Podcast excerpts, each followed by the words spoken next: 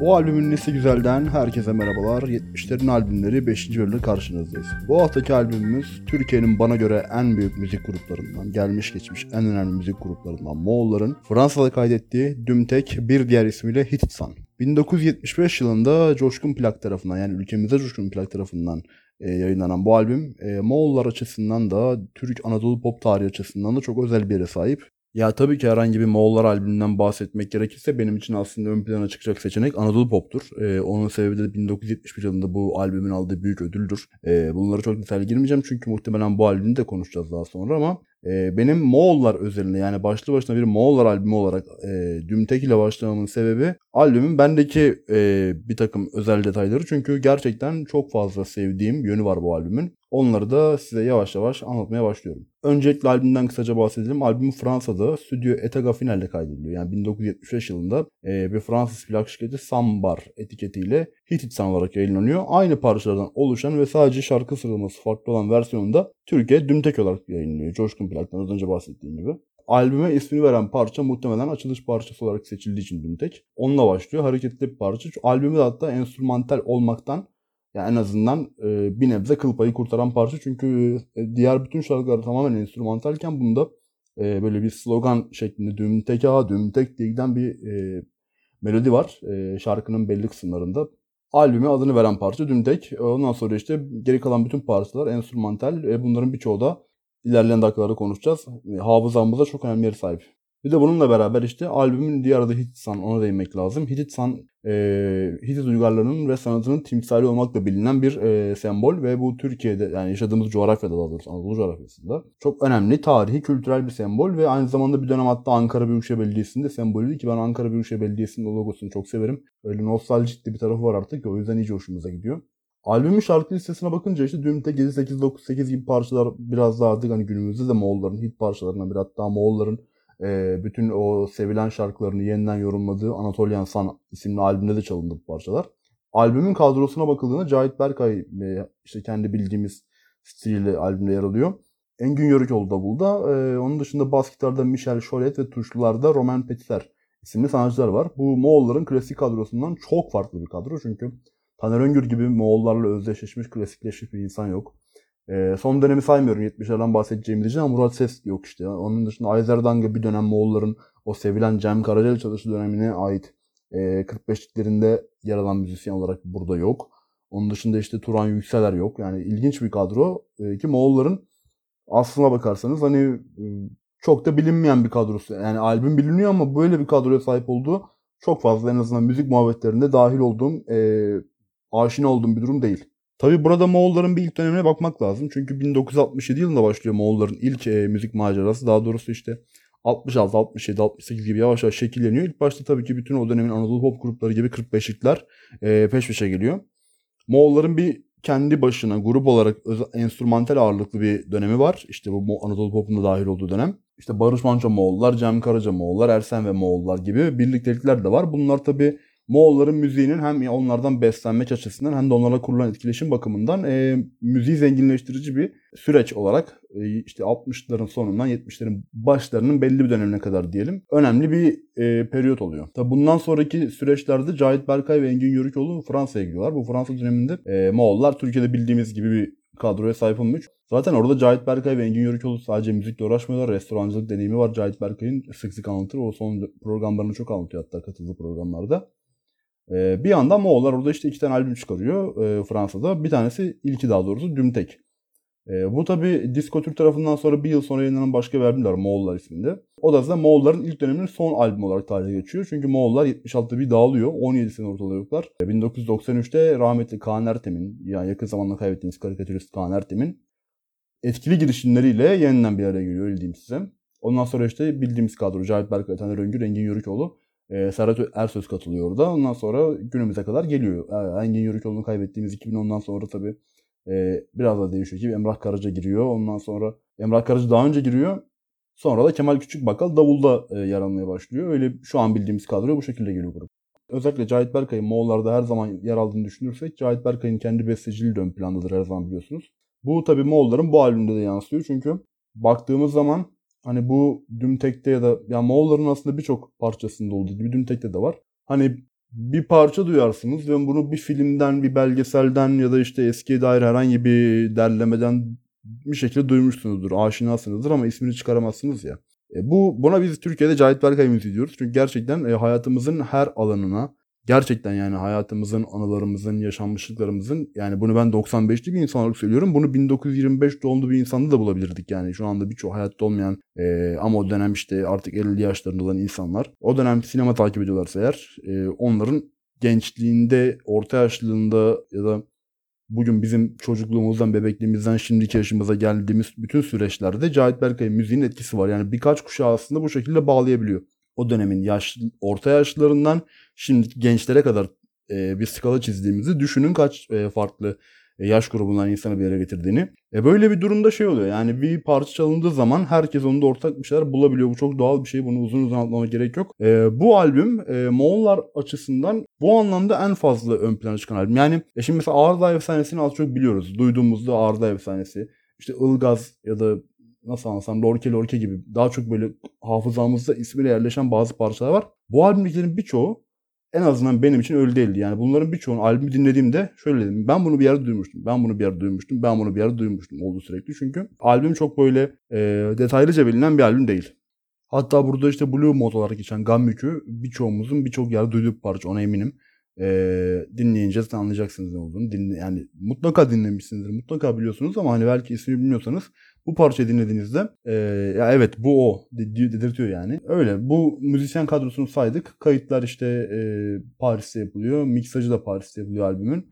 E, ondan sonra böyle yani Fransa'da oluşan bir prodüksiyon sonucunda ortaya çıkıyor plak. Türkiye'de Coşkun plak öncülüğünde basılıyor. Albümü özel konu detaylara madde madde girmeden önce yine bir anekdot vereceğim. İşte Derya Bengi'nin bu sazlı cazlı sözlüklerinden 70'leri anlatan ciltte Dümtek'le ilgili bir anekdot var.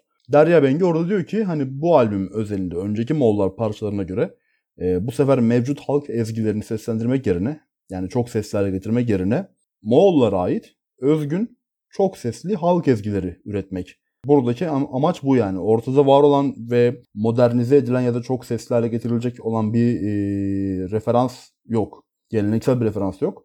Burada o tarzdan beslenen tamamen o tarzla yeni bir şey yaratmaya çalışan ama sıfırdan ortaya çıkan bir müzik üretme motivasyonu var Moğollar açısından.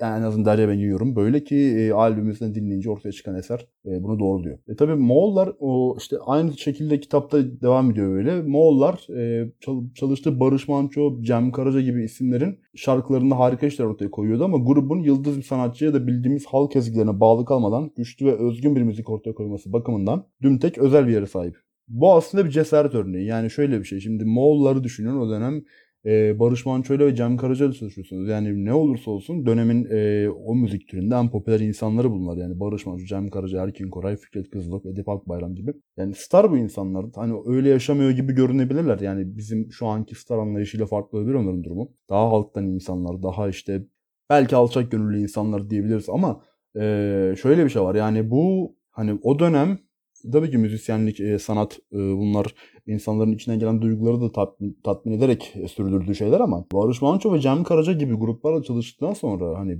biz kendi müziğimizi yapıyoruz demek gerçekten çok cesaret isteyen bir şey. Tabii ki bunun referansı vardı. Moğollar daha önce de kendi müziğini yaparak başarılı olmuştu, ödül de almıştı ama bir yerden sonra hani mesele şey oluyor yani. O şöhret de var artık. E, ve o şöhreti şöhretin etkili olduğu yer olan hani sonuç olarak Türkiye var. Ee, ve bunu Türkiye'den çok uzakta bir yerde bambaşka bir prodüksiyonla bambaşka isimlerle yapmak e, çok özel bir girişim, çok özel ve çok cesaretli bir durum. Moğolları bu açıdan zaten hani Türk müzik tarihinde özelleri koymamızın sebeplerinden biri bu. Çünkü Hani ben e, daha önce bu albümü yazarken de bahsetmiştim. Hani Cahit Berkay'ın e, cüret ettiklerine müzisyen olarak akıl erdirmek çok zor. Gerçekten e, hayal etmek bile zorken neler yapmış adam. Bir müzisyen vardır bir tarzda başarılı olur, üretir, devam eder ve onun üzerine gerçekten çok fazla şey kurabilir. Bunun üzerine 5 tane albüm çıkarabilir. Ve 5 albümde aynı ilgiyi periyodik olarak artırarak da görebilir ama Cahit Berkay benzer bir tabii ki tınısı var. Benzer bir e, Cahit Berkay müziği diyeceğimiz bir kimliği var ama e, bunun üzerine inşa ettiği şeyler hep cesaret isteyen şeyler, hep yenilikçi şeyler. Çünkü burada mesela bir iki parça özel olarak bahsedeceğim. Orada demek istediğim belki daha iyi anlatabileceğimi düşünüyorum. Yani mesela 7-8-9-8 Moğolların gelmiş geçmişten çok sevilen parçalarından biri ama hani bunu nasıl anlatsam hani şu an dinlediğimizde bile bazen hani Ulan bu nasıl bir parça ya? Bu Türkiye'de nasıl böyle yapılmış? Çünkü Türkiye'de birçok hani müzik dinliyoruz ve Moğolların müziği Türk halk müziğine çok yakın bir müzik. E, Türkiye'den beslenen e, bir müzik. Ve hani şeyi düşünüyoruz yani bu ki Cahit Berkay'ın birkaç parçasında var. Güler misin ağlar mısın? Ben yabancı şarkı sanıyordum onu yani. Yabancı şarkıdan bir kesit sanıyordum zamanında. Çünkü hani şeyi böyle çocukken çok derinleştiremediğimizde müzik zevkimiz henüz. Belki de müziğin biraz daha yozlaşmaya başladığı döneme denk geldiğimiz için olabilir. Türk müziğinde böyle psikodelik tınılara ya da e, deneysel e, motiflere çok yakıştıramıyorduk belki de. Çünkü ben o zaman çok az hani e, televizyon, internet, e, internette yüzeysel bir kullanıcıydık çünkü o yaşlarda. 2000'lerin başı bahsettiğimde bu ayrıca yani. Ya da işte televizyonda duyduklarımız e, bize çok derin bir e, aşamaya götürmüyor en azından öyle anlatayım. E, ve onu hani ben bir, belli bir yaşımı şöyle geçirdim yani nasıl ya Yeşilçam müziklerini nasıl Türkler yapmış birçoğunu bazıları yabancılar da var mesela ee, ama işte daha çok böyle Orta Doğu tarafından gelen müzikler de var hatta. Ama mesela Cahit Berkay'ın bazı parçalarına bunu Türkler mi yapmış nasıl olur diye çok şaşırmıştım vardı. Bu parça da onlardan biriydi 898. Gezgin parça yazmıştım yazıda hatta. Yani gezgin dememin sebebi hani şöyle şöyle benzetme yapmıştım işte insan özellikle karakterinin şekillendiği çağlarda farklı şehirlerde farklı ülkelerde gezebiliyorsa hani belli bir yerden sonra insanın zihninde farklı farklı filizlenmeler olur. Çünkü hani e, farklı şeylerden besleniyorsun ve hepsinden karakterinin şekillendiği genç yaşlarda besleniyorsun. Bu çok insanın zengin bakış açısına ve zengin kültürel yapıya sahip olması için önemli bir şeydir. Bu parça sanki böyle onu yaşamış da gelmiş de bize kendini dinletiyormuş gibi hissettiren bir parça. Albümün genelinde böyle bir lezzet, var ama 7-8-9-8'de mesela hani bas ve piyanolar işte bir yandan bir yandan işte bildiğimiz Türkiye'nin en geleneksel enstrümanı kısa bağlamanın daha küçüğü, daha akrabası olan cura çalınıyor. Hani şarkı ritimleri de işte 7-8-9-8. Tabi bizdeki 9-8 gibi değil yani aksak ritim gibi değil çok fazla. Biraz daha böyle Avrupa'yı tarafı da var ama ee, yani sonuç olarak Fransa'nın göbeğinde kaydedilen bir albüm, Paris'te kaydedilen bir albümde bu kadar yerel unsurun başrolde olması e, hani bu işte evrensellik demiştik ya e, Jazz Semai bölümünün sonunda. Hani evrensel olalım tamam ama e, evrensel olmak demek e, bir merkezi kültüre yani yukarıdan bize bakın evrensel kültür budur. E, buna uyun dayatılan bir kültüre tamamen adapte olmamız değil. Herkesin o evreni oluşturan bütün daha alt e, kimliklerin, grupların kendinden bir şey götürmesiyle oluşan, ortaya çıkan bir e, karışım olduğunu konuşmuştuk. Bu onun gibi bir şey. Yani burada işte Paris'te yani ki bundan birkaç sene önce de Avrupa'da ödül almış gruptan bahsediyoruz. Yine gidip Paris'te tamamen böyle hani tını olarak, e, müzik olarak kimliği çok böyle net belli edilemeyecek ama enstrümantal açıdan bakıldığında Türk müziğini andıran, Türk geleneksel müziğini andıran bir hatta andıran da değil direkt cura çalınıyor yani daha nasıl olsun. Böyle bir parçadan bahsediyoruz. E, bu hani böyle bir yöresizlik var bu parçada. O açıdan çok özel. Bir de hani çocuksu ve muzik bir parça. Böyle insan dinlediğinde aklına her zaman Yeşilçam'ın komik sahneleri geliyor. Çünkü e, birkaç filmde duyuyorduk bunu yanlış hatırlamıyorsam. E, bu da mesela ilginç bir şeydir. Çünkü o dönemki Yeşilçam filmlerinde çok fazla özgün müzik yani özgün müzik var tabii ama özgün müziğin yanında çok da fazla e, böyle e, o döneme mal olmuş parçalar var. İşte bu onun gibi bir şey mesela. Ya da işte Murat Ses'in Dağ Çiçekleri vardı. E, Zeki Metin filmlerini çalıyordu onu hatırlıyorum. E, işte Güler Misin Ağlar Mısın hani Güler Misin Ağlar Mısın filmi için yapılmıştı ama Kapıcılar Kralı'nı çalıyordu gibi e, birçok detay var. Hatta işte yani Özdemir Erdoğan'ın var aynı şekilde Sakar Şakir'in girişindeki o Zafer Dilek'in parçası var. E, birçok örnek var bununla ilgili. O dönem her şey birbirine karışıyor yani. Zaten bu açıdan da e, Cahit Berkay müziğini çok ayrı sevdiğini belirtmem lazım. İşte Jazz Semai'de mesela e, şey yazmıştım ben. Yazılardan referans vererek gidiyorum burada. Çünkü o başlıkları oyarak yapıyorum podcast bölümlerini. Rüyadaki Sesler hissiyatı yazmıştım. Yani Rüyadaki Sesler parçası vardı işte. Orada Erol Pekcan'ın e, bunu ben ikinci bölümünü dinlerseniz eğer orada anlattım. Erol Pekcan'ın rüyasında duyduğu seslerden uyanıp piyanosunda parçalar yaptığı, e, daha doğrusu bir tane parça yaptığı e, bir anısı var. Bu mesela Dümtek'teki bazı şarkılarda bu şey hissiyatı var yani bu transa geçme durumu var. Yani çünkü e, mesela Şark Yolu parçasında bir klavye solosu var. E, şimşek gibi, çivi gibi çakıyor böyle sürekli insanın beynine. O anda böyle çok sürreal bir hissiyatı var. Bu mesela bazen şey oluyor. Böyle çok kişisel detaylara girmeyi seviyorum. Bu bölüm üzerinde çok fazla oldu. Ee, bazen ben kulaklıkla uyuyorum mesela. Birçoğunuz yapıyorsunuzdur belki. O kulaklıkla uyandığınızda çalan parça böyle birazcık normalin dışında parçalar taşıyorsa müzikal olarak e, size böyle bir ilginç duygular hissettiriyor ya gecenin 3'ü 4'ü falan muhtemelen. E, bu parça bana onu uyanıkken hissettiriyor öyle anladım. Aynı şekilde işte Kapalı Çarşı var albümde yine. Kapalı Çarşı'da Cahit Berkay'ın bir kemençe çalış biçimi var. Resmen şey yani gayetten sesler geliyor sanki. Ee, az önce bahsettiğim durum yani. Hani Cahit Berkay cesaret diyoruz ya işte oradan bahsettiğim şey bu yani. Kemençeyi böyle keman gibi de dinleriz kemençeyi ya birçok e, örneği vardır. Bu bunun daha garip bir şey yani. Keman gibi de tamamen saygedelik bir müzik. Dönemin ruhunu da çok iyi yansıtan daha doğrusu 60'lardan özellikle beslenen e, bir kültürü yansıtan bir çalış biçim var. Yani çünkü ya bakıyoruz yani kemençe gibi bir müziği monte edebilirsiniz. Çok yani bildiğimiz biçimiyle çok böyle absürt kaçacak müzik yani absürt kaçacağını düşündüğümüz bir müziği de monte edebilirsiniz.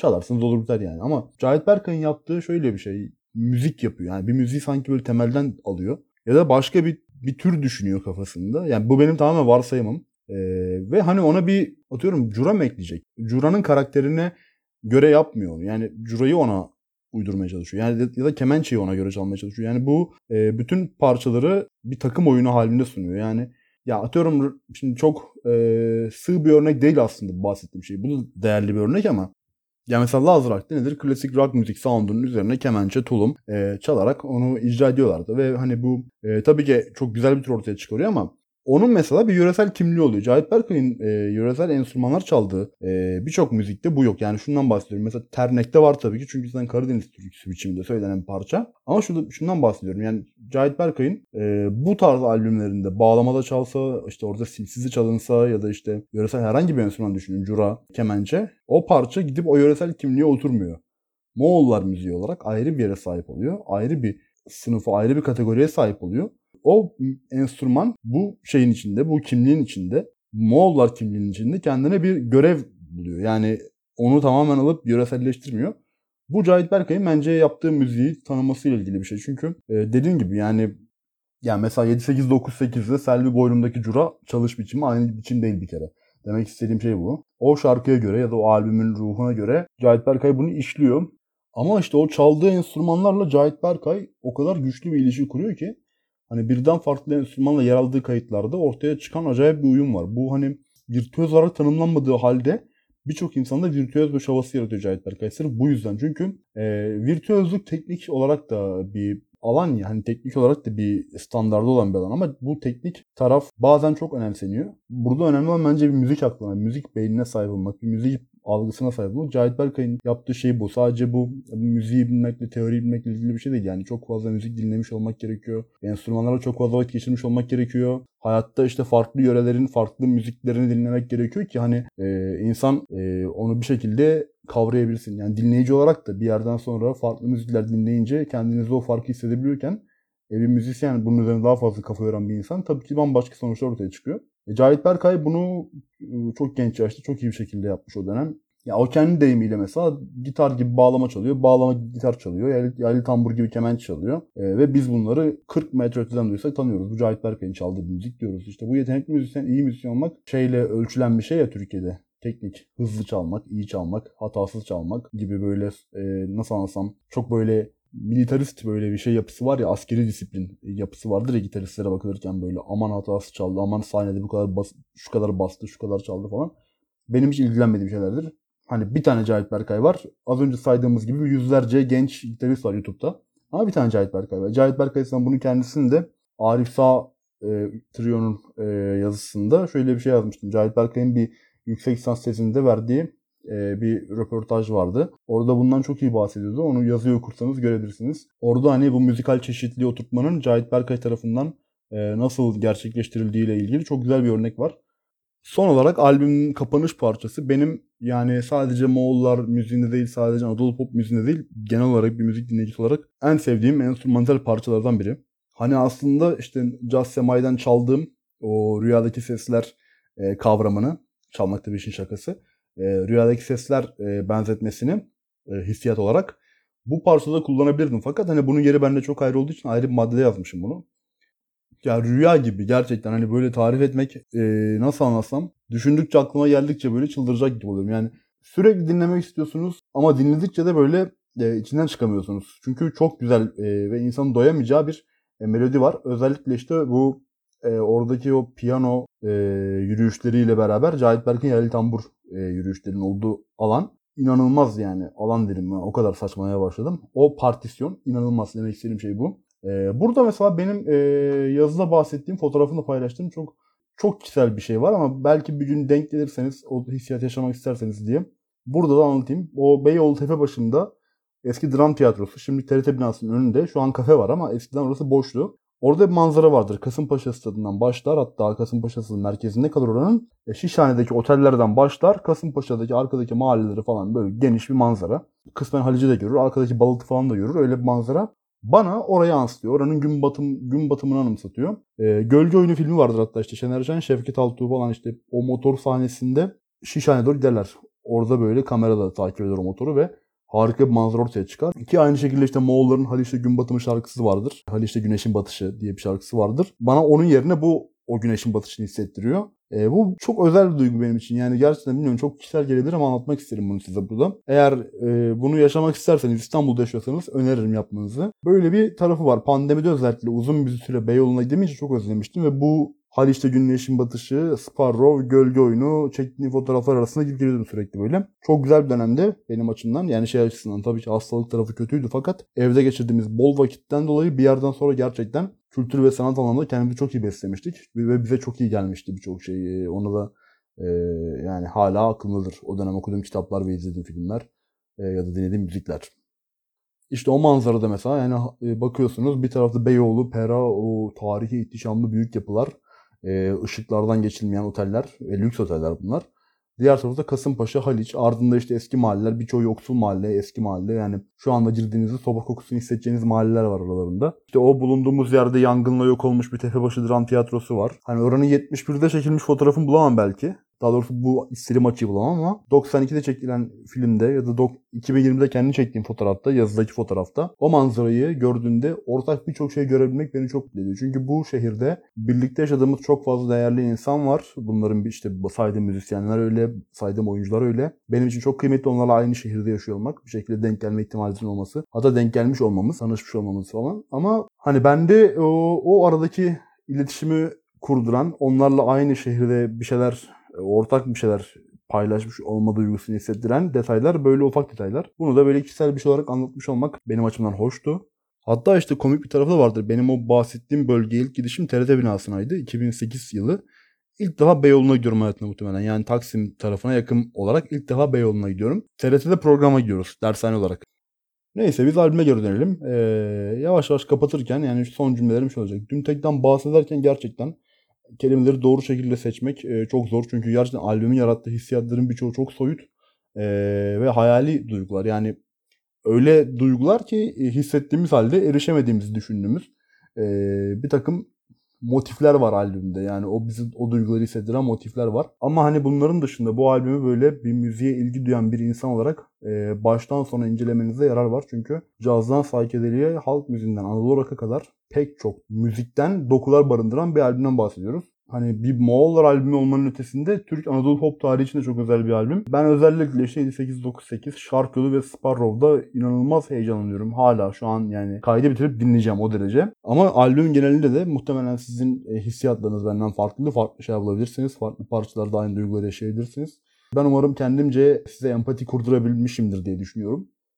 Dinlediğiniz için çok teşekkür ederim. Bu albümün nesi güzelden bu haftalık bu kadar. Eğer beğendiyseniz Spotify'dan takip edebilirsiniz. Onun dışında Instagram, Twitter, e, Medium'dan takip edebilirsiniz. Bültenimizi takip edebilirsiniz efendim. Ayrıca Spotify profili açtım. E, size her hafta birer çalma listesi e, paylaşarak belki biraz daha samimiyetimizi ilerletecek e, bir adım atmaya çalışıyorum. Onunla ilgili de takip etmek isterseniz Spotify profili var. Yani Instagram'da ya da Twitter'da profildeki linklere tıkladığınızda e, bütün linklerin bir arada olduğu bir e, sayfa açılacak. Hani oradan bizi artık nereden isterseniz takip etme olanınız var. Ben Erken'in çok teşekkür ediyorum. Önümüzdeki hafta görüşmek üzere. Saygılarımla efendim.